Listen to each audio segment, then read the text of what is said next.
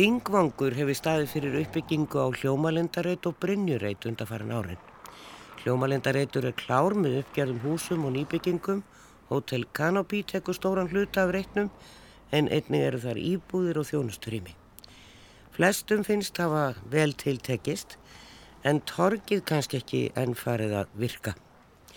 Síðan var hafist handa við Brynjureit en þar er aðalega verið að byggja litlar íbúðir.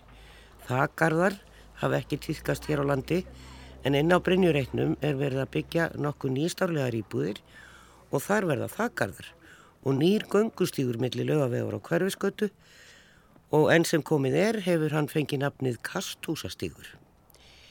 Við eftirgrænslan hjá Guðjóni Fririksinni sagfræðingu komst ég að því að þarna mun hafa verið 46 torrbægir sem voru kallaði Kasthús en Guðjón var ekki vissum hvaðan nafnið kæmi. Við ætlum að bregða okkur í heimsókn á byggingasvæðið sem er komin okkur langt og hér í stúdíu hjá mér eru Kristján Svenljóksson, fjármál og manneðstjóri Þingvangs og Magnús Skúlásson, arkitekt. Þá erum við komin aftur í miðbæri Reykjavíkur. Það er svo margt að gerast hér á hverfisgötunni þessa dagana og við erum svo sem búin að fara á baránsreitinn og, og fyrir einhverju síðan, einhverjum árum á Hljómalindareitin, hann er náttúrulega alveg klár og allt klárt þar og reyndar einhverjar íbúður klappastiksmegin voru rétt að fara í sölu, sá ég bara um daginn. Þannig að allt tekur þetta sinn tíma. E, tveir arkitektar, svona eru aðal mennir hér, eða fólkið, þetta er kona og karl, aðal fólkið við þessa byggingar hér á Brynjureit sem er hodnið á klappastig, það er rétt ofan við bókina, hans Braga og e, svona aðeins hérna upp úr. Það eru komnar hérna þrjár stóra byggingar. Einn, tvær, þrjár, fjórar og einn dreifin fymta hæð. Þetta er svona næstu því orðið skólabokadæmi með þess að indregnu fymtu eða sjöttu hæð. Þannig að þetta eru svolítið stóra byggingar en bara núna er þetta komið ljós. Svalindar eru komnar og maður sér klæðningun á húsunum og sem eru ekki öll eins.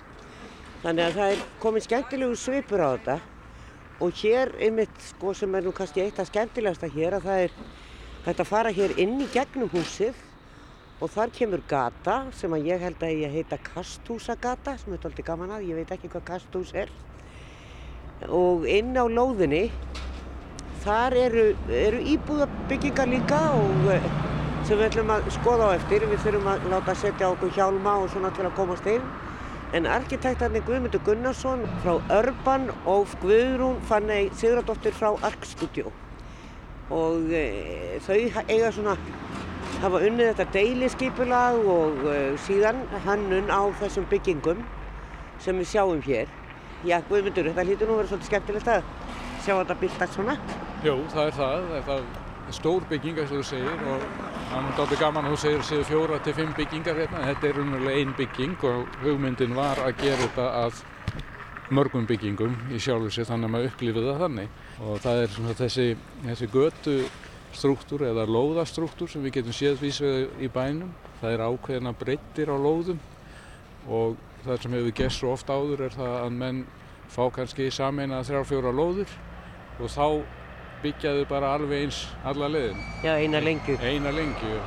Og það sem við eh, lögðum mikla áherslu á í skipulæginu var að brjóta upp þessa götufarsöðu þannig við fengjum svona uppbrott eins og að væri margar byggingar og annar þáttur sem er líka aðriði og það er svona ef maður tekur teóriu frá Jan Gehl til dæmis að þá er það það sem við göngum þar er mikilvægt að þar sé skiptingin þannig að söklarnir hérna verð ekki eins Að, en þess er það á mörgum byggingum sem hafa þetta uppbrót á efrihæðunum en er alveg eins á neðunum. Eins og frakkastiksreiknum til dæmis. Já, við sjáum það. Það er alveg eins neðst í fluturinn en, en það er mikilvægast því það er sem við göngum það þarf upplýðumurinn að vera og það er svona það sem við vorum að reyna að gera í, í þessu.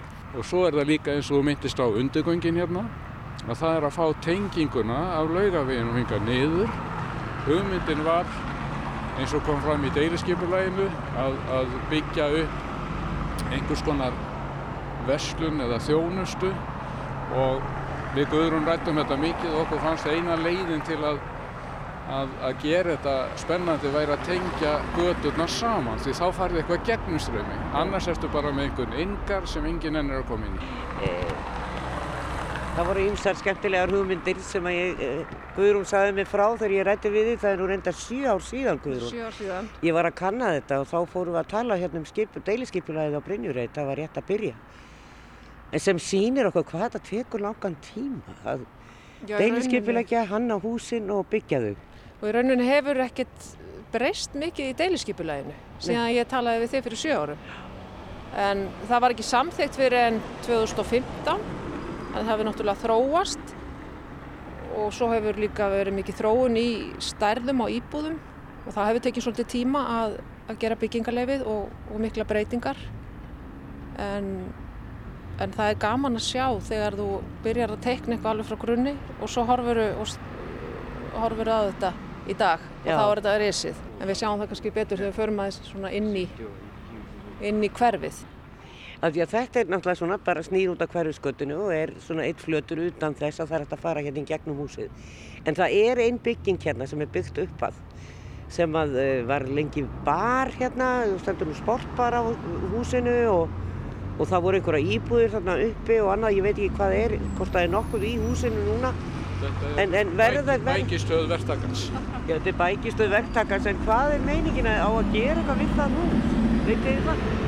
Já, það hafa verið ýmsar hugmyndur um það hvað þið að gera. Og, og það er, menn voru á tímabili að hafðu áhuga á að fá hótel þarna en það er ákveðin kvóti komin á hótel hér í borginni þannig að það er ekki auðvelt. Nei, ég hef ekki líka bara komin á aðeim held ég. Sveið mér þá allavega hérna í miðbænum. En þetta er svolítið skemmtileg bygging því að hún er mjög djúb og við sjáum það kannski þegar við förum aðeins hérna upp og horfum yfir að því við erum búin að vera að horfa svolítið mikið hérna á lóðirnar í kring að það er ímyndstætt þetta að gera við þessa byggingu og, og láta sólarljósu koma inn að sunnan. Já, Af því hún er mjög djúb og það er einhver gluggar í rýmónum þarna á annari hæð, minnum mig. nei. Er ekki það gluggar bara þar yfir? Það er líka gaman að geta sko, að þetta er mjög sérstök glóð að því leiti að þetta er glóð sem nær hérna frá hverfiskötu og upp á laugaveg og er sko, það sem Brynja stendur. Þetta er, þetta er þau standa á sömu lóð og síðan hafa menn byggt hér upp og bakhúsin þau eru byggð þannig að það er ekki lóðrétt skipting milli egna heldur Já, og svo lóðarmörk sko, þannig að þetta er þau vikslast Já. þannig að þetta er búið að vera mikill hausverkur í, í frekari hugmyndum um uppbyggingu en þess að hvernig, hvar liggja lóðamörkin, hvernig eigum við að skilgreina það því að það er enga reglur sem gera ráð fyrir því að maður farið með svona zigzag lóðamörk í gegnum byggingu en það eru náttúrulega þjónusturými hérna niðri. Við sjáum sko, það eru bæði verslanir og lögaveginum að fara upp í kringlu og sum, sumar hafa tjáð svona sínum kúnum að þeir allir niður á Hafnatorg þegar það verður alveg klárt. Þannig að maður er að sjá svolítið rými tæmast á lögaveginum. Maður er svolítið uggandi yfir í hver, sko, hver á að nota allt þetta þjónusturými sem er verið að búa til. Hafið þið einhverjar hugmyndur um það? Ég held að verði bara komið ljós, en hverfiskallan hún er öll að lif, lifna við, Já. eins og við sjáum.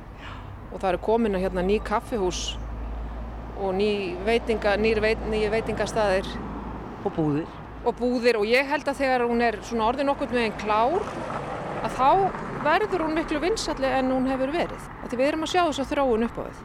En svo er það spurning hvort það sé nóg af verslunum sem vilja koma hinga, það er Þetta, þetta, hang, þetta hangir náttúrulega líka saman við sko, hvað kostar að vera í þessum rýmum. Já. Það hefur mikil áhrif og nú breytar hafa til dæmis haft þann hátt á sem staðar að, að þeir hafa mjög ódýrt verslunarhúsnæði, leigja verslunarhúsnæði ódýrt út til að tryggja sé einhver í því. En við höfum ekki farið þá leið hér á Íslandi held ég. Umhugsunar efni, ég nú bara. Já, ég held að fólk sem þetta fara, litt verslunareigandur eru að fara frá laugavegi því það er svo dýrt. En það er nú ekki ódýrt í kringlunni svo sem eða smáralinn. Það kostar svolítið pening að, að vera með verslanir sína þar. Já, en síðan er það ármúlin og, og Já, skeifan kannski eða Já. hverfi sem eru að byggjast Já. aðeins upp. E, áður en við svona förum að snú okkur að hinum helmingnum eiginlega, hérna bak við þetta, að e, þá, sko, af því að þetta er svona skipt, En þú segir Guðmundur, þetta er, e, þetta er ein bygging. Þetta er einbygging. En, en, en svo hérna í miðjunni eru svona treverk á, á húsinu og þetta virðast svona vera litlar íbúðir. Eða, eða er, getur maður að lesa þetta þannig að þetta sé íbúðir hérna? Þetta eru íbúðir, já, þetta eru frekar litlar íbúðir en, en allavega mjög skemmtilegar og, og staðsetningin er góð. Já, gaman að þessu. Svo eru stærri þarna greinilega svona í austur átt. Jú, það eru stærri íbúðir hérna sem á í gegn hérna megin og, og þannig hinum endanum en, en, en svona hérna á þessu hér þeir eru snúa bara í eina átt. Já. Og svo kannski rétt að við sjáum það kannski eftir þegar við förum inn að við höfum gert ráð fyrir því að séu sko sameiginlega svalir hérna uppi á þakki fyrir þá sem hafa njót ekki sólar íbúana sem búa hérna norðamegin þó að þeir eigi, eigi hér svalir að þá er afskaplega sjaldan sem þeir fá sólinn á þær nefnum um hálfsumar en aftur á móti þá er möguleiki fyrir þá að vera upp á sameiginlegum svölum sem er eh, við stigahúsið. Eh, sko á þessum svölum hérna eh, í þessum austasta helming, þar eru tvær, tvennar svaladir. En eitt handrið og eru þetta tvær íbúðir? Þetta eru tvær íbúðir sem Og fólk verður bara að njóta þess að eiga svalirna saman. Já, Já. svalinnar eru fyrst og fremst öryggisatriði út frá brunamálum þannig að, að það er umverulega skilda að vera með. Já, svo er nú gott að geta loftað út bara, þó sé ekki annað. Það eru kannski þannig svalir svona, Já. til að lofta út og þú ert Nákvæmlega. kannski ekki mikið hérna í norður í solbæði. Norðursvölum. Nei, Ha, það fyrir þinnum megin. ekki á Eða nýri göngugóti þar sem að lífið er. Eh, Við skulum uh, fara inn, við þurfum líklega að setja okkur hjálma og allt það til þess að fá að fara þarna inn. Eh, En maður gerir sér enga greið fyrir hvað er að gerast þarna á milli, á lóðinni upp að lögavegi því að það sjáum við ekki tjóðan. En undir, undir þessu svæði öll, öllu er bílastæði. Já, það er bí- bílakjallari hér, við förum þar inn. Já, og við kvílum þau aðeins Guðmund Gunnarsson frá Urban og Guðrúnu Fannæju Siguradóttur frá Ark Studio og heilsum upp á Kristján Sveinljóksson, fjármál og manniðstjóri á Þingvangi og Magnús Skúlason, arkitekt, velkomnir. Takk. Takk. E, við skulum bara byrja á því að tala aðeins um uh, útlitið og hverfiskötu megin því að eins og hann talaði um þá er þetta ein bygging en lítur út eins og fjórar og ég var í mitt að lesa bara í vikunni þráð á fésbókinu þess var verið að ræða um þennan byggingastíl í dag.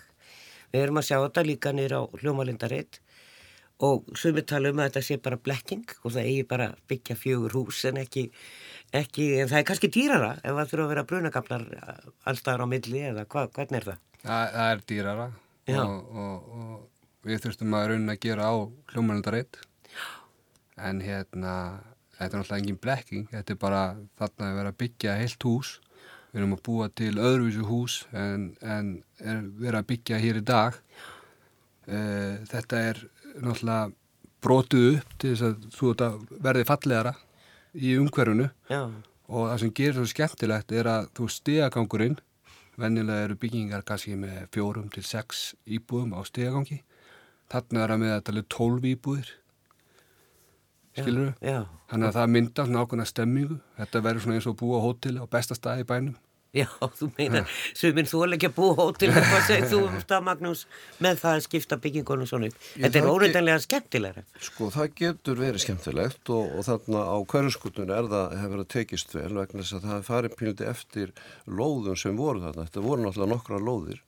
Þar sem voru hús sem voru rifin sem er nú ákveðin eftir sjá af að vissuleiti en mér finnst þetta að hafa tekist vel til þar en stundum finnst mér þetta að vera daldi platt og, og það er alveg hægt að, að teikna eitt langt hús og brjóta það píldu niður. Það, með minninu og honum hafa tekist það vel hérna í gamla daga hérna honum hún Palladio gamla sem var, var á Norður Ítalju það er nú annar mál en þa- þarna er þetta bara hefur þetta tekist áar vel til finnst mér bróta þetta svona Já.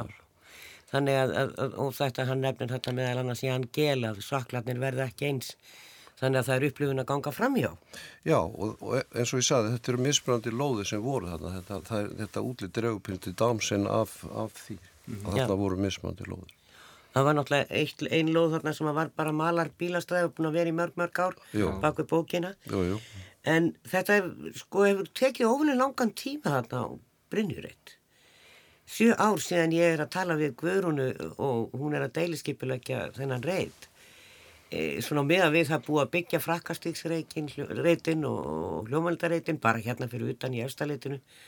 Það er komið ansi langt og það eru tvö ár rétt rúm síðan þeir komið hinga og byrjuðu.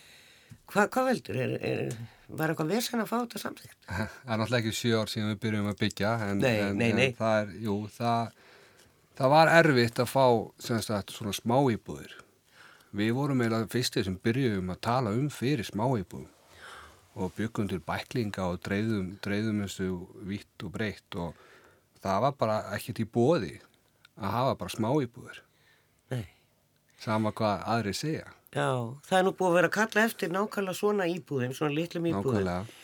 og e, sem að, já, eiga helst ekki að kosta mikið völlun að koma verla en og eftir en e, byggingareglugjörð breytist að einhverju leiti þannig að þetta mm, gekk í gegn. Hún hjálpaði til, vissulega, en það var í rauninni bara uh, viðhorf Reykjavíkuborg hvernig vildu tækla þessi mál sem að breytist, sem að gera þetta verkum að það var hægt að fara að byggja smá íbúður. Já, Að því að þú veist, þú ert að fara að byggja hús, að þú getur ekki bara, þú mátt bara hafa kannski 30 íbúður og þú ert með uh, 1000 fermetra og þá vil deilur þessu 30 íbúðum í 1000 fermetra og byggir þá þá stærðir og þá er, þú, ert, þú ert aldrei að byggja minna en þú mátt. nei, einmitt, akkurat. En þetta er, þetta, við hefum verið að byggja allt og stórar íbúður hérna nýri miðbæ sem að verða allt og dýrar. Já, ég ætla nú eiginlega að koma að því að þetta er nú hálfgeir sorgasaga frá, frá, frá hrunni að með hvernig þetta hefur gengið fyrir sig og það er semst búið að byggja allt of stórar íbúður, allt of dýrar með útsinni sem búið er að gætna taka frá öðrum og þessar íbúður seljast ekki, það er ekki markaður fyrir alla þessar íbúður. Það, krafan hefur verið eins og félagin segir hér að, að fá minni íbúðir og, og þá ódýrar íbúðir og mér finnst að, að menn hafi brúðist hérna unga fólkinu með því að bjóða ekki upp á litlar íbúðir Já. heldur bara þessa stólu og, og þetta er allt gert í, í hérna anda þéttingu byggðar og ég er ekki á móti þéttingu byggðar því ég er nú einn af þeim sem átti, átti hluti því, því orði hérna að finna það upp árið 1980 en það er ekki saman hvernig þétting byggðar fer fram og þess vegna fagna ég þessari skipulastillögu með þessum litlu íbúðum. Eh, en eins og kom fram hér og þá er það byggingarreglugjan sem hefur að þvælast fyrir. Já, og, og að, sagt, að, að það er gerir á fyrir, fyrir hjólastóla notendum í öllum íbúum og þess að þar það er bara stendst ekki, það er bara, það er, bara er, er ekki rétt. Ég hef unni mikið með, með föllum og þekki þetta mjög vel. Besti vinnum minn er í hjólastól og ég ferðast mikið með honum og rætt þessi mál. Og Dani hafa þann háttin á þeir hafa ákveðin kvóta fyrir, fyrir íbúð þar sem að að hjólastóla notandi ver, geta verið og svo eru bara aðrar íbúður ekki undir þessum ströngu skilmálum og þetta er allt og stíft hér á Íslandi og hleypur upp, upp verði á íbúðum. já. Nú, við myndust líka á gamla húsi þar sem er núna eh, svona ykkar vinnu aðstafa í Já. gamla barnum. Hverjuskata 46. Já, einmitt akkurat og, og, og það er sem sagt það verður nú eiginlega synd, það verður eiginlega hvað að gera við það þú hús á svona um leið því að það verður svo sjúskað Mhm. um leið og þessar nýju byggingar er að rísa þarna við sjáum nýja klæðning og annað, hvað er pælingi með það? Uh, Hótels eða einhver tíman en það er náttúrulega bara út úr myndinni og... já, það er náttúrulega ný, en hvernig þetta er í dag. Uh, við erum alveg í viðræðum við aðela, ákveðin aðela. Já, En vandamálið er bara að þetta hús er rosalega djúft eins og kom fram. já, Þú veist, það er rosalega stórt og djúft og er... inn á baklóðina Já, Já, og, og gerir það, og sko, að fyrstu tvær hæðinar eru bara með glugga sem snúa hverjuskutunni og það er rosalega erfitt fyrir hvert sem er að koma hann inn. Það getur ekkert hvað sem er að koma hann inn. Þetta er svo, þetta er svo hérna, djúft og dögt og þetta er, er erfitt. Og við höfum, þú veist, að hafa verið einhver aðlan inni en það hefur aldrei neitt náð að vera hann í langan tíma og ef ég maður rétt árið 2009 að þá kom greinu í fréttablaðinu um hérna uh, hvað maður að segja hús sem að er, voru tekin af hústökufólki eða eitthvað svoleiðis. Já, og, og þá var þetta í flokki minn svona slíkum húsum. Já, já. Sem bara, þú veist Ég held að hann nú verið bara þarna 2009 Já, Bíddu nú við, Það er nú ekki ósjaldan sem ég spilaði biljard þarna, þá voru þrjú borð þarna inn í, inn í Já, þessu rými og, og við sjáum mikið eftir því við þegar að það sé ekki biljard þarna lengur. Þannig að það var nú hægt að nýta þetta tölvert en þetta var eins og segir ansi djúft hús. En e, það er svona ákveðin eftir sjá náttúrulega í ákveðin starfsemi á þessu svæði öllu. Og eh, mér langar aðeins til að fara niður á, á hérna, hljómalindarreitt. Já, Ég veit ekki hvort þú ætlaði að fara þunga á undan en, en hérna, þar voru staðir eins og Factory og Grand Rock og, og, hérna, og Café List og fleira sem voru hérna í kringu Hjartatorgi svo kallaða.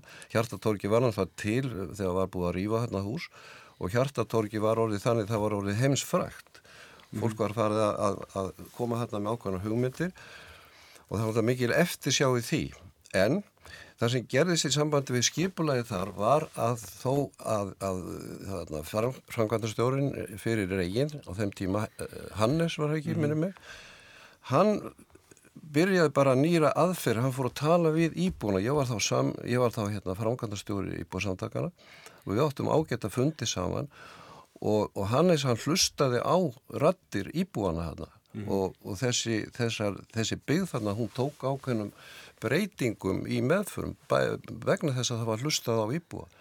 Uh, svæði í dag er, er ennþá alveg steindautt og það kannski helgast að því að stað sem er ekki komið þar í, í fullt. Hönnuninn hérna í norðu austurhóttinu er aldrei skrítið, það er alltaf að koma þar fyrir borðum og, og, og stólum en, en við skulum sjá til hvort þetta getur ekki lifnað, það er alltaf plindi erfitt að, að láta svona svæði lifna við aftur því við fór veitingahúsið þarna sem var byrjað þarna, skjálfismarkan, það, það hætti e, út af einhverju óhappi en, en það kemur auðvitað þar aftur eitthvað þannig að við skulum sjá hvort að það, það lagast ekki. En, en sko það er alltaf, færum alltaf fórtir og, og þarna á þessu nýja svæði, Brynjureitnum, þar, þar er náttúrulega, er, eru glæsili hús þarna í kring. Mm -hmm eins og náttúrulega Brynni er náttúrulega, hún er náttúrulega fyrir utdændasvæði, þá sé þetta sé kallað Brynnireitin, en ég bendi sérstaklega á næsta hús við, rúmið 27, hvað það er rosalega fallega uppgjert og, og hvað er hægt að gera hús falleg og, og, og virðulega með því að skipta um glugga og færa til upprænlegs hóls. Þetta er að gerast þetta við hliðin á Brynni, það er búið að laga Brynju. Ég hef mestar ávíkjur hérna á númið 23, það sem er maklandið. Já. Og það er, það er smíða, það er mjög gamalt hús, það er frá því fyrir aldamótin, 1899 og það er mjög frægur smíður sem smíðaði það. Smíðurinn Stengri með Guðmundsson sem smíðaði líka mörg fín hús þar á meðal fríkirkjöfu 11. Hann mun hafa smíðað það hús og ég, það er eiginlega eina húsið þarna í, í, í ringnum, umhverfis svæði sem er í, er óvissu. Já, það er náttúrulega, og, og það er málað náttúrulega í undarlegum lit, það er málað í lit, lit búðarinnar, þannig að það er svona e, ljósblátt, skæri ljósblátt og það er, það er náttúrulega eitthvað timpurverk utan á því sem, já, sem ekki er ekki rúgrunulegt. Nei, en það var nú gert við uh, gömulhús að einhverju leiti á, á hljómalindareitnum og byggt nýtt og tekið tillit bara... til fyrri byggðar og, mm -hmm. og svona hlutfalla. Þannig að skalinn þar er kannski í, í lagi. Já, það er mælikvar sem að skipti svo miklu máli og við vorum kannski búin að leggja nógu miklu áherslu á hann einmitt ábyrðinrið. Það er mælikvar sem skipti svo miklu máli. Já, já. Og, og það er að vísu, eru við alltaf lendum alltaf í, alltaf á háum húsum, svona hæðin og háum, þannig að við fáum alltaf blindin skugga og, og það var alltaf spurning um mannlífið á milli húsana, eins og Jan Gjell talaði um á sínum tíma og talaði ennþá um og við erum alltaf að hlusta með andagt á Jan Gjell og svo fórum við ekkit eftir því sem hann segir. Settum bekki á miðar göttur eða torg, svokullu torg, það er náttúrulega ekki torg sem við erum að tala með við, þetta er viðlut göttur og, og svo framvegis. Þannig að við ættum að hlusta kannski aðeins meira og hann og fara eftir, eftir því sem hann segir. Já, nákvæmlega. Má ég segja með hljómlundareit, hérna uh, torgið, það ánáttúrulega eftir að verða rosalega flott með tímanum það eftir að litna við uh, á sumrin, þetta er bara algjör pottur, æðislegt að vera hana Hótelin alltaf setur út borð og stóla. Já, það er veitingastæðarana annar lítill í raunni er... sem er að selja en, en er alltaf hluti af hótelin Já, það gerir smart, minnur þú? Já, hann kallast eitthvað annað sem er hann úti Út í gardinu Já, já svo já. koma aðra vestlanan og kemur annar veitingastæður Það þarf aðeins að veitingastæði því að vestlanir gera voðalega lítið fyrir já, torg. Já. Þú fer bara inn og út og stoppar ekkert endur á torginu. Já, já, við viljum samt hafa fjölbreytileika. Ég vona að koma eitthvað sem er festið á torginu. En við þurfum kannski líka bara að fá eitthvað aðdráttunafl inn á mitt torgi. Skiljum sem að lætu fólk lappa og skoða torgi. Þú veist, þótt að sé ekki náma eitt gósbrunnu, sko. Já. Þú veist, eitthvað. Við sjáum hvað gerist, þetta tekur allt sinn tíma. Norðaustur hodninu, það er erfitt að sita þar, það er eins og sem ekki gert ráð fyrir að það séu borð á stólun. Mm -hmm. Já, þú má skoða það. Skoðið það. Ég, sko, mér fannst spennandi þegar Guðmundur myndist á bresku leðina að leia út ódýrt veslunarími til þess að vera vissum að það sé eitthvað. Mm -hmm. Það er þetta sem er svolítið að fæla fólk úr miðbænum, við heyrum það. Mm -hmm. e, aðrir eru fúlir yfir því að það er að gera göngugötu þarna á lögavegi og, og þetta á allt saman eftir að taka sinn tíma en svo er aðrir bara gladir yfir því að skipta skoðanir um það. En e, óneitanlega er rýminn dýr og ábyggilega dýrari í þessum nýju byggingum. Er þetta eitthvað sem að þið hjá þingangi eru að hugsa um? Sko þú, þú, eins og þú segir við fórum með bæklinga og vorum með nýjung litlar íbúðir og þið vildu breyta og gera eitthvað nýtt Er þetta eitthvað sem að hugnast fyrir? Við erum með nýjung þarna. Já. Það er sem sagt að uh, einirki Já. getur búið í íbúð sem er með vinnustofu og vestlun allt í einu. Já. Þannig að það er nú nýjung. Já. Það ættur nú að spara eitthvað. Það þarf ekkert að fara út úr húsinu bara aldrei. Nei, það fyrir bara fram í vinnuna. Já. Já, nákvæmlega. Það, þetta er eitthvað sem við verðum að leysa því að það er svona, maður er svolítið hlættur um að við séum að stefna aftur í svona tómtúsa stemmingu í miðbænum núna með nýbyggingar og fólk sem er að flýja og fátt verðlag. Já, já. Já. Við sjáum til, við getum ekki ráðið í þetta, kannski aðeins áður við heyrum aftur í þeim Guðmundi og Guðrúnu E, það eru takmörku stæði og þetta er nú eiginlega bara orðið þannig ég veit að það verður, er hér líka bara í kring efstaleitinu e, það er ekki all, allar íbúið með stæðum. Mm -hmm. það eru margi svona kjósorðið bílausa lífstíl í dag. Mm -hmm. en það eru takmarkað, mjög takmarkað þarna á litlu íbúðunar, það er alls ekki gert grein ráð fyrir því að þau séu með bílastæði. Nei, nei, en það e, er það kannski óþarfið ef fólk vinnur í bænum, þarf það ekki En ég hef búin að hitta fólk sem að býr í bænum, hana í kringum Já. og það á ekki bíl. En eina vandamáli hjá þeim er að þau geta gert allt í bænum nema að fara í ræktina. Já. Það er eina skipti sem þau að fara í strætó. Já, það er nefnilega það. Það var einu sinni líkamsræknir í Östustrætti, hún er farin. Já. Já, þetta er, er svona eitt og annað sem er að hverfa, einsleit vestlinu, við komum að því á eftir en En við skulum bregða okkur aftur út með þeim Guðmundi Gunnarsinni og Guðrúni Fannegjur Siguradóttur á Brynjureitun og við ætlum að skoða sagt, íbúðunar þarna inn á reitnum. Við erum hérna niður á næðstuhæðin eftir mikla krókarlegur upp á fjörðu og hjálma og aftur niður og þá snúum við aftur hérna á hverjasköttinu og erum inn í húsinu. Já, hér er, hér er, sagt, er aðalingangurinn fyrir hverjasköttuna eða hverjasköttubygginguna En það er líka annar ingangur frá laugaveginu? Já, komumst, já, við komumst hérna út þennan útistegar, það er skemmtilegt. Hér koma svona bara háartröppur, nokkuð langar, þá komum við á kasthúsastíg sem er hér fyrir ofan. Já, það er heil mikið verið að byggja hér. Við sjáum hérna bakliðin á klappastíg, er það ekki? Og bakliðin á þessum húsum hér Og hér koma svo gardar í miðunni, tengt bara með við. Þetta er svona lítill bara inngardar sem er með, fólk að þá með prívat verund við hverju skutuna. En svo eru verslunarími hér, laugavegi 27 á B, á jarðhæð. Þú sagði við mig þegar ég kom til þín, 2012, og, og þau voru svona að byrja að setja þetta saman, að það ætti að vera svona þakkgardar. Já, það er uppi á efstu hæðunum hérna. Já. Þar eru litlar íbúðir sem eru á tveimur hæðum, nokkrar, með svo stóra þakkarða sem að horfa hérna yfir og fá vestursólina og við passuðum að hafa þá svolítið í að það myndi snúa í söður og vestur þannig að það er þið mjög skjölgóðir en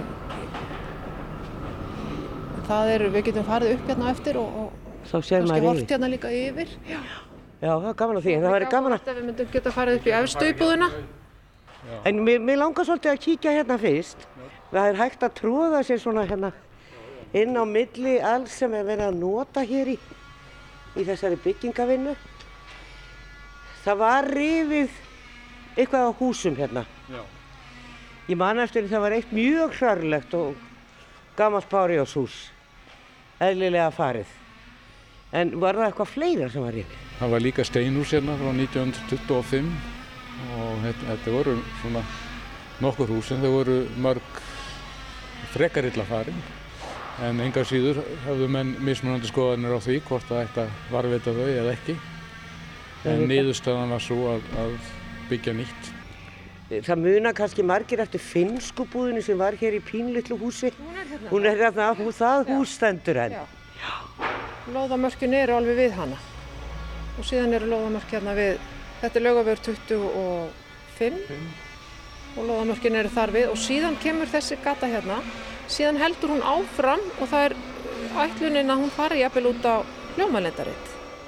Já, það er þetta ofan við þessi hús. Hérna bara við Já, endan á húsinu. sunnan megin við þessi hús Já, já, já, og já. þá tengir hún hljómalendaritt við þetta Brynjusæði Já, og þá ertu komið hérna hring við laugaveg.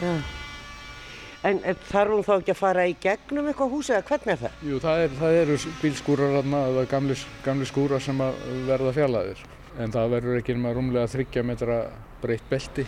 Þannig að þetta er ekki svona akstígur. Nei, þetta eru Ekki, göngustíðar. ekki, ekki frekar en hér.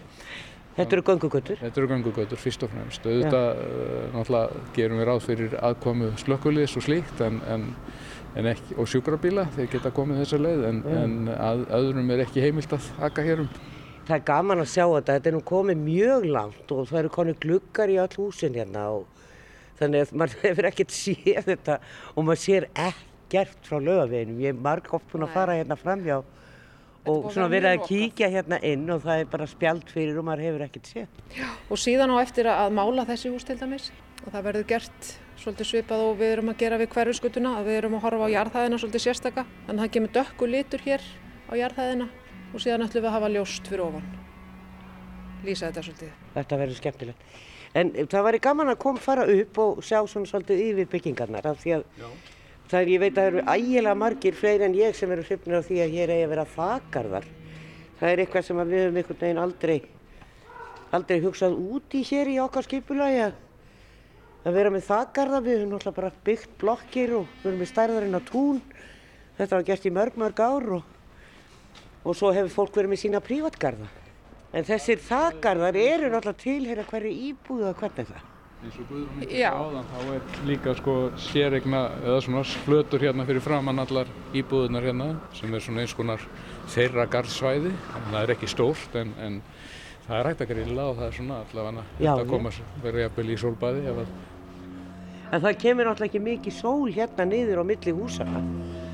Nei, það er kannski kvöld. ekki að vetri til eins og núna en Nei. en svona sumri og, og svo þegar eh, við gerum ráð fyrir því að hérna steipan verði ljós þannig að við fáum endurskinn og meiri byrtu hérna inn í, umhverfið Já. það er svona þegar þetta er svona allt saman svona steingrátt að þá er kannski ekki er mikið endurskinn En það er skýr þarna efst uppi, sé ég. Það er einn að vinna þarna á efstöðinni. Það er einn, tvær, þrjár, það er fjóruða hæð í þessu húsi. Þetta er svona hálfhæð. Þarna virðist Já, vera. það, er, það eru hérna pínu litlir, uh, hvað segir maður, fjórðahæðin. Við vorum komin í hámarka í byggingamögnunu og þannig að við máttum ekki gera fjórðahæðina mjög stóra. Þannig í raunin er þetta hálfpartinn svona gróðurskálar, Já. setustofur litlar. og raunverulega uppganga upp á þakkið Já. frá hverju íbúð það er, það er hver og ein íbúð með sinn stiga upp á sínar þaksvalir eða þakkgarða En ef við ekki bara reyna að kíkju. Já, Jú, reynum það endilega. Og þá getum við séð yfir. Jú, jú, við komumst hérna út. Ég verð nú að reyna að lýsa þess aðeins. Það sem hægt er, þetta er náttúrulega, það er engir alvöru stigar komnir, við erum að fara hér upp byggingastiga sem eru smíðaðir þannig að menn komist hér upp á þakkið. En það er komið svona mynd á þetta. Já, já. Síðan er hugmyndin að, að hér komi tré girðing fyrir þannig að þú sérst ekki alveg með nágrann og getur hort á næsta mann. Það er risa svalur hérna við hliðina sem ég sé. Þetta sé einu 60 fermenn En ég sé það að þetta verður svona doldið ævintýri. Þetta, ég held að þetta verður mjög spennandi og skemmtilegar íbúðir þessar. Þó það séu litlar en við erum með, það er enginn að horfa á þig og þú ert hér í algjöru næði. Og maður horfir á þökin í bænum. Þú horfur á, já, þeir verum, þeir að, allavega þú, hérna. þú sérð þökinn, Ég sé ég sé þetta ekki. Nei, ég sé þökin í bænum. og hér er klappastígurinn. Já, já, akkurat. Þannig að við erum með kvöldsólinn alveg hérna Allan dag. allan daginn og, og sama má segja með að þú horfir hér á, á hverfiskötu húsuna á móti og það eru stórar svalir fyrir utan hverja íbúð. Þannig þú ert komin í svona eins og eitthvað lítið hverfi hérna uppi í miðbænum en upp á fjörðuhæð. Jæja, Guðmundur, verður þetta ekki rosalega dýrt? Já, það er spurning. Ég get alveg ímynda að vera að séu margir sem að vilja íbúð hérna. Já, já, ég, ég var það ekki. Og maður geti alveg hugsið einhver hérna sjálfur en og ég veit alveg hva, hverju mér langar í en það er svörnu saga. Hvað segir þú? Hvort mér langi íbúð hérna? Já, eða hvort þetta verður ekki of dýrt? Nei, ég held að sé alltaf að finna verð. Þessi, þetta er ekkit, ekkit eh, mikið dýrar íbúður heldur en aðrar sem verða að byggja. Nei. Þetta er í sjálfur sér einhver neina dýrar útfæslur. Og þetta eru litlar íbúðir hérna og þetta er kannski ekki fjölskyldu íbúðir beint. Þetta er fyrir einstaklinga eða par og ég held að það séu svolítið hugsaðar þannig. Já. Að þú ert í miðbænum og þú þarft ekkit marga fermetra en þú kýst kannski að eyða meira pening og fara út að borða og, og, og ganga hér um bæin. Nú, maður getur kannski sagt að, að fermetraverði sé hærra heldur en á mörgum öðrum stöðum í svona byggingu vegna þess að við erum með dýru, dýru kjarnana, þar sé að við erum með eldús og við erum með snirtingu og bað og, og það er sko, sko stórt hlutfall af gólfleitinum og þetta eru dýrustu hlutarnir, það eru eldúsin og, og, og baðherbyggin. Það eru margir arkitektar sem týna þetta til þegar ég spyr að þessu. En þetta er náttúrulega óhjákvæmilegt í hverju íbúð, þú verður að hafa eldús og bað. Já, en núna máttu vera með það aðeins minna heldur en þú máttur vera fyrir nokkrum árum. Þá þurfti baðherbyggja að vera hátt í 6 fermetrar og núna kemstu niður nokkra fermetrar sem þú getur þá nýtt í stofuna eða önnur rými. Og nú má eldúsu líka vera opið. Já, já, það er nú lengi, lengi verið það í sjálfu í sér en, en, en það er svona, menn eru kannski komin með meiri tæki og svona, en oft áður. Og ég held að oft, kannski í íbúðum í dag, þá er aðal rýmið eldúsið. Þannig að þú hugsa rýmið bara í kringum eldúsið og svo getur þú verið með svepprými sem er miklu minna því að þú ert ekkert að nota það Nefna til að sofa. Nema til að sofa í. Já, já. Þetta er, maður sér þetta svona í eldri íbúðum að þegar eldúsi var lokað og þá, og ég bý nú í einni slíkri lítil íbúð og hérna, ef þessi íbúð var innréttuð í dag þá myndi maður færa svefnherbyggin í eldús og eldúsin í svefnherbyggi. Og brjóta niður nokkra veggi og og, ertu kominn vegg, með já. Ennþá stærri íbúð. Já. Það er mikill munur þegar eldúsi er opið. Og ég, eru þið nokkuð að hanna lokuð eldús í dag nema þessi sérstaklega beðið um það? Nei, það er, það er alveg rétt, við, það er ekki mikið um það. Það er kannski líka við búum öðruvísi heldur en við gerðum á margan hátt að við viljum uh, taka þátt í eldamennskunni. Það er ekki bara einhver eitt sem að sér um það í dag. Það er yfirleitt fjölskyldan eh, safnast í, saman í eldúsið og, og það verður eh, til þess að þetta verður þá eldús og alrými og kannski menn dvelja mest þar Já. þegar upp er staðið. mikið rétt. En það með fáa fermetra þá kemur það miklu betur út. En þessi íbúð verður mjög skemmtileg og ábyggilega svo hér við hliðina með þessar risasvalir og það er, eins og þú sagðir, það er hægt að vera með heitan pottin úti. Það er gert ráð fyrir heitum pottum. Já, Lagnirnar eru þarna. já, já, akkurat. Þannig að við þurfum eignast vini hérna. Já, allavega, allavega. Það er ekki? Já, það held ég nú, þetta er algjör luxus með heitan pott út á svölum og upp á þakarði í Reykjavík. Skemmtilegt. Og þar með kvæðum þau Guðmund Gunnarsson frá Urban og Guðrúnu Fannægjum Sigurðardóttur frá Ark Studio og höldum áfram hér í stúdiói. Kristján Svenljósson, fjármál og manniðstjóru frá Þingvang er hér og Magnús Skúlason, arkitekt.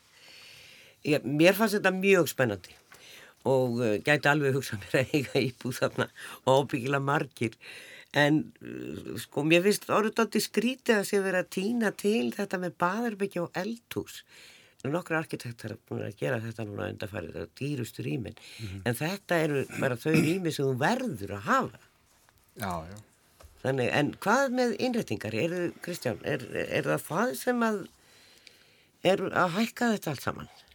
Já, það er náttúrulega, þú veist, það þarf innrettingar hana. En Já, það eru. Lagnir og frárensli og meira náttúrulega skápum en á öðru stöðum og, og svo sér loftræsting þannig að þú veist, þetta kostar miklu, miklu meira. Já, en við komumst ekki hjá því að hafa þetta. Nei, Nei, nei. ha, En það er búið að minga þetta eitthvað, Magnús. Já, eins og ég bendi á kröfur, þá, já. þá hefur reglugjörn aðeins verið að láta undan en, en hérna hún er samt og stíf og það hleypir þessu verðu upp að baðherbyggin er óþægilega stór því þau þurfa það þarf að snúa hjólastól og þess. En þetta hefur verið að lagast og, og það kemur fram í þessum íbúðum ykkar sem að eru, þetta er spennandi en til dæmis að svali, stóra svalir á móti norðri, maður spyrir akkur er ekki nú að nota bara svo kallega franska sem, það sem maður opna bara út eins og svalahörð og svo er pláss fyrir nokkra blómapotta fyrir utan. það, var, það væri óskandi, það er- þá eru flott. gerðar Það er bara bannað. Ég veit það, það, það, þetta sem þarf að, þarf að skoða. En Ég kom nú inn í íbúðan á hljómalindareitnum, Jónu Freiriki Ómari, Já. og þar er ekki beint svalir, þar eru svona franska Jó, svalir, þetta opna alla íbúðina. en það eru líka svalirar. Já, ég skil. Þetta er bara það viðbútt, þessi Já, frönsku. Já, já. En það minnir mig á það að þar er húsi hérna númer við hliðin á hljómanlindarhúsinu, hvað, númer hvað er það rauða húsi sem var lift upp um eina hæð, að þar er einhver fáránleg gött á því gamla húsi, það er með mannsartæki, það er einhver gött á því og þar eru svalir að kröfu hérna Já. byggirreglingar og það það, svalir. það er bara eins og skrýpi á, á því húsi og það er náttúrulega Það er náttúrulega er í reglugerð að það á aðeins að passa sig þegar kemur að varusblöðurum húsum að þá er hægt að aðeins að semjum það hvað langt maður fer eftir reglugerð og það bendi sérstaklega á það. Ég minn ákvar aðeins að því ég glemdi á þann í sambandi hljómanlindareitin að því ég glemdi nefnilega sirkus. Já, sem er get- núna eins og varta utan á Það er eins og einu húsi. varta utan á húsi og mér finnst þetta að vera bara eins og vondu brandari og bara, bara til áminningar á það að svona fer maður ekki að. Maður annarkvæmlega að tekum maður húsi og flytur það ef, ef maður ger ekki svona hluti. Ég, bara, ég er aldrei heitur út í, út í þetta mál. Já, þú hefði viljað sleppa af sirkusana. Já, alveg, En- það er bara, það er eins og plat, það er ekki eins og einn engangur. Ég held nú alltaf fyrst að Það er, það er endar hægt að nota þessu Já, mynd. það er hátt upp á vegg, á barnum, fyrir innan. Já, Já, en, nei, þetta, er, þetta er, ég veit að Stíl, En þetta er samt... Kræster uh, sagði að þetta var mikil krafa á, í, en það er sko, mér finnst það mjög skemmtilegt og, og ég er nú svolítið mikið á þessum svæði og þetta er ábyggilega mest myndast á hús sem ég hef séð. Já, Þannig að það vekur áhuga og það hefur, þú veist, Þar er, erum við bara ósamar. Já, Ég það, er, fram- það er eins og það er, við getum ekki leist það hér, en, en e, sko, e, þessi þakarðar sem að mér finnst mjög spennandi Já. og, og heiti pottar og allt það og við fáum góða daga, við vitum það alveg og, og, og það, það er loknarsælt þarna Mhm. inn á lóðinni í norðanáttinni til dæmis að þá ertu með gott skjól frá hverfisköttunni með herri byggingar og þannig að, en var það einhver fyrirstaða í, í, í að fá þetta samþykkt þetta deiliskepulag, þessi þakkarðar, það er nýjung ég, já, ég, nú, núna kemur við aftan að mér, nú tekki ég þetta ekki alveg, Nei, sko. nei. En, en þú veist, það sem gerist náttúrulega, sko, að byggingareglugjörn breytist og þá megas hús snúa í allar áttir, Já, skilur. Já. Þannig að það hefur, er ábyggilega ykkur ástæð, er ástæðan fyrir því. Einhliða íbúður er bara bannar hérna áður. Einhliða íbúður í norður. ég skil, Það var bara bannar. Já, það er. Búið að, það er búið að liðka til þar. Sko. Þannig ég held að það, kannski er það ástæðan, ég er ekki við, sko. Nei, það var nokkur húsir yfir hérna, við mynd, myndust á þá meðal annars steinhús frá 1925 sem að menn voru greinlega velta fyrir sig hvort það ætti að standa. Mm. En ákveði sem sagt að, rífa það líka og, og, og það er náttúrulega til að gera pláss kannski fyrir þessari þyrfingu. -hmm. Stundum er annað óhjákvæmilegt um að vil skapa eitthvað. En var mikið leið yfir þessu, veistu það Kristján?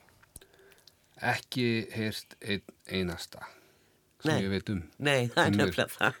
Ha. Magnús, þú veit maður. sko það var ákveðin eftir sjá á þessum húsum en það var, ég var nú viðriðin húsafyrjana nefnt á þessum tíma og það var aldrei, það var aldrei neitt sérstakur áhugi fyrir að varveita þessu hús og þegar uppi staði þá finnst mér miklu, mikið sverðara að varveita húsin allt í kring við lögavegin og byggja þetta nýtt inni, mér finnst það mjög góð hugmynd og mér finnst það vera að takast mjög vel.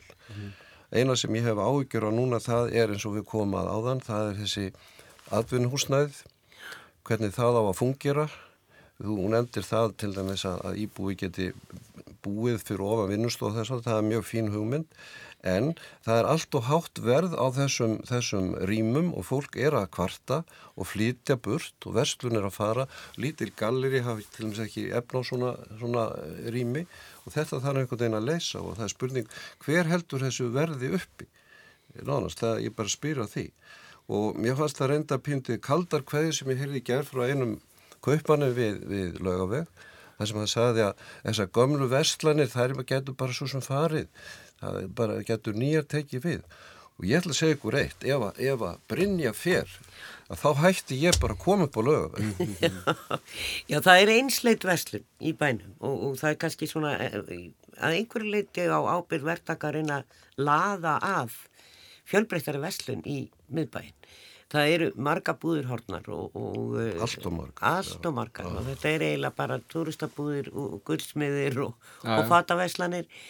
Það er ímislegt sem að vantar og maður hugsa, já nei það er ekki miðbæinn. Þú talar um líkamsræktastöðu áðan sem er ákveðin þjónusta. Það Mhm. er ímislegt sem vantar. Er þetta eitthvað sem að þið sem eruð í þessum framkvæmdum eruð að huga að, að reyna að laða að Já, kannski okkur langar, já. okkur langar að gera þetta skemmtir og, og svona, hérna, þannig að íbúinu vilja vera hana nálat og búa hana.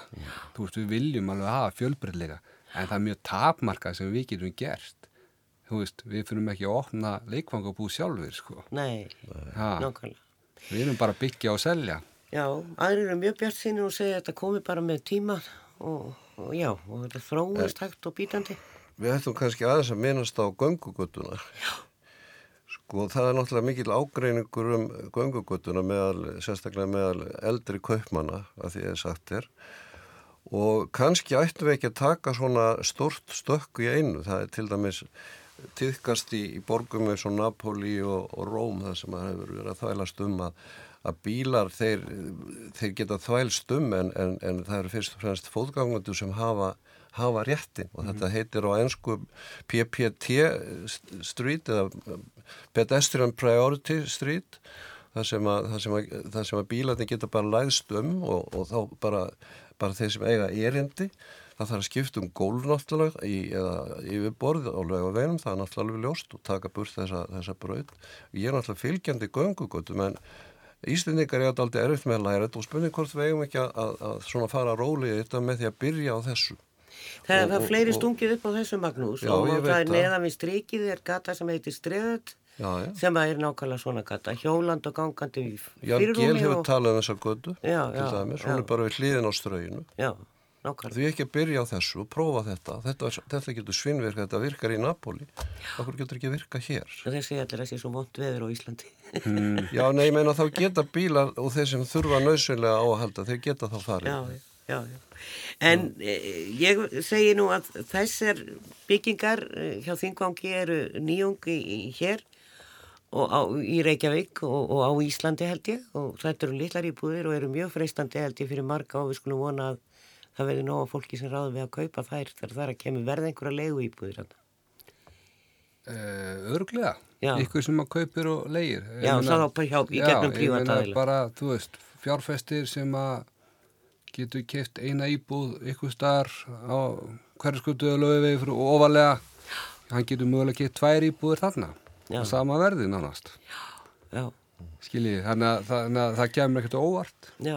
En hvað eru plönin hjá Þingvangi að fara í næst? Er, og, og svona hvenar, hvenar flytur fólk að skal- Mér langar aðeins að segja um, um hverju skuluna við Já. erum brinnirreitin sko, við erum ekki bara að fara að selja íbúðir heldur við að fara að selja lífstíl og þetta eru í heldina 72 íbúðir. Og, og, og þú þetta eru margar íbúðir á stegagangi uh, þegar þú lappar út úr byggingunni þá ertu bara í nafla aðlinsins eða Reykjavík.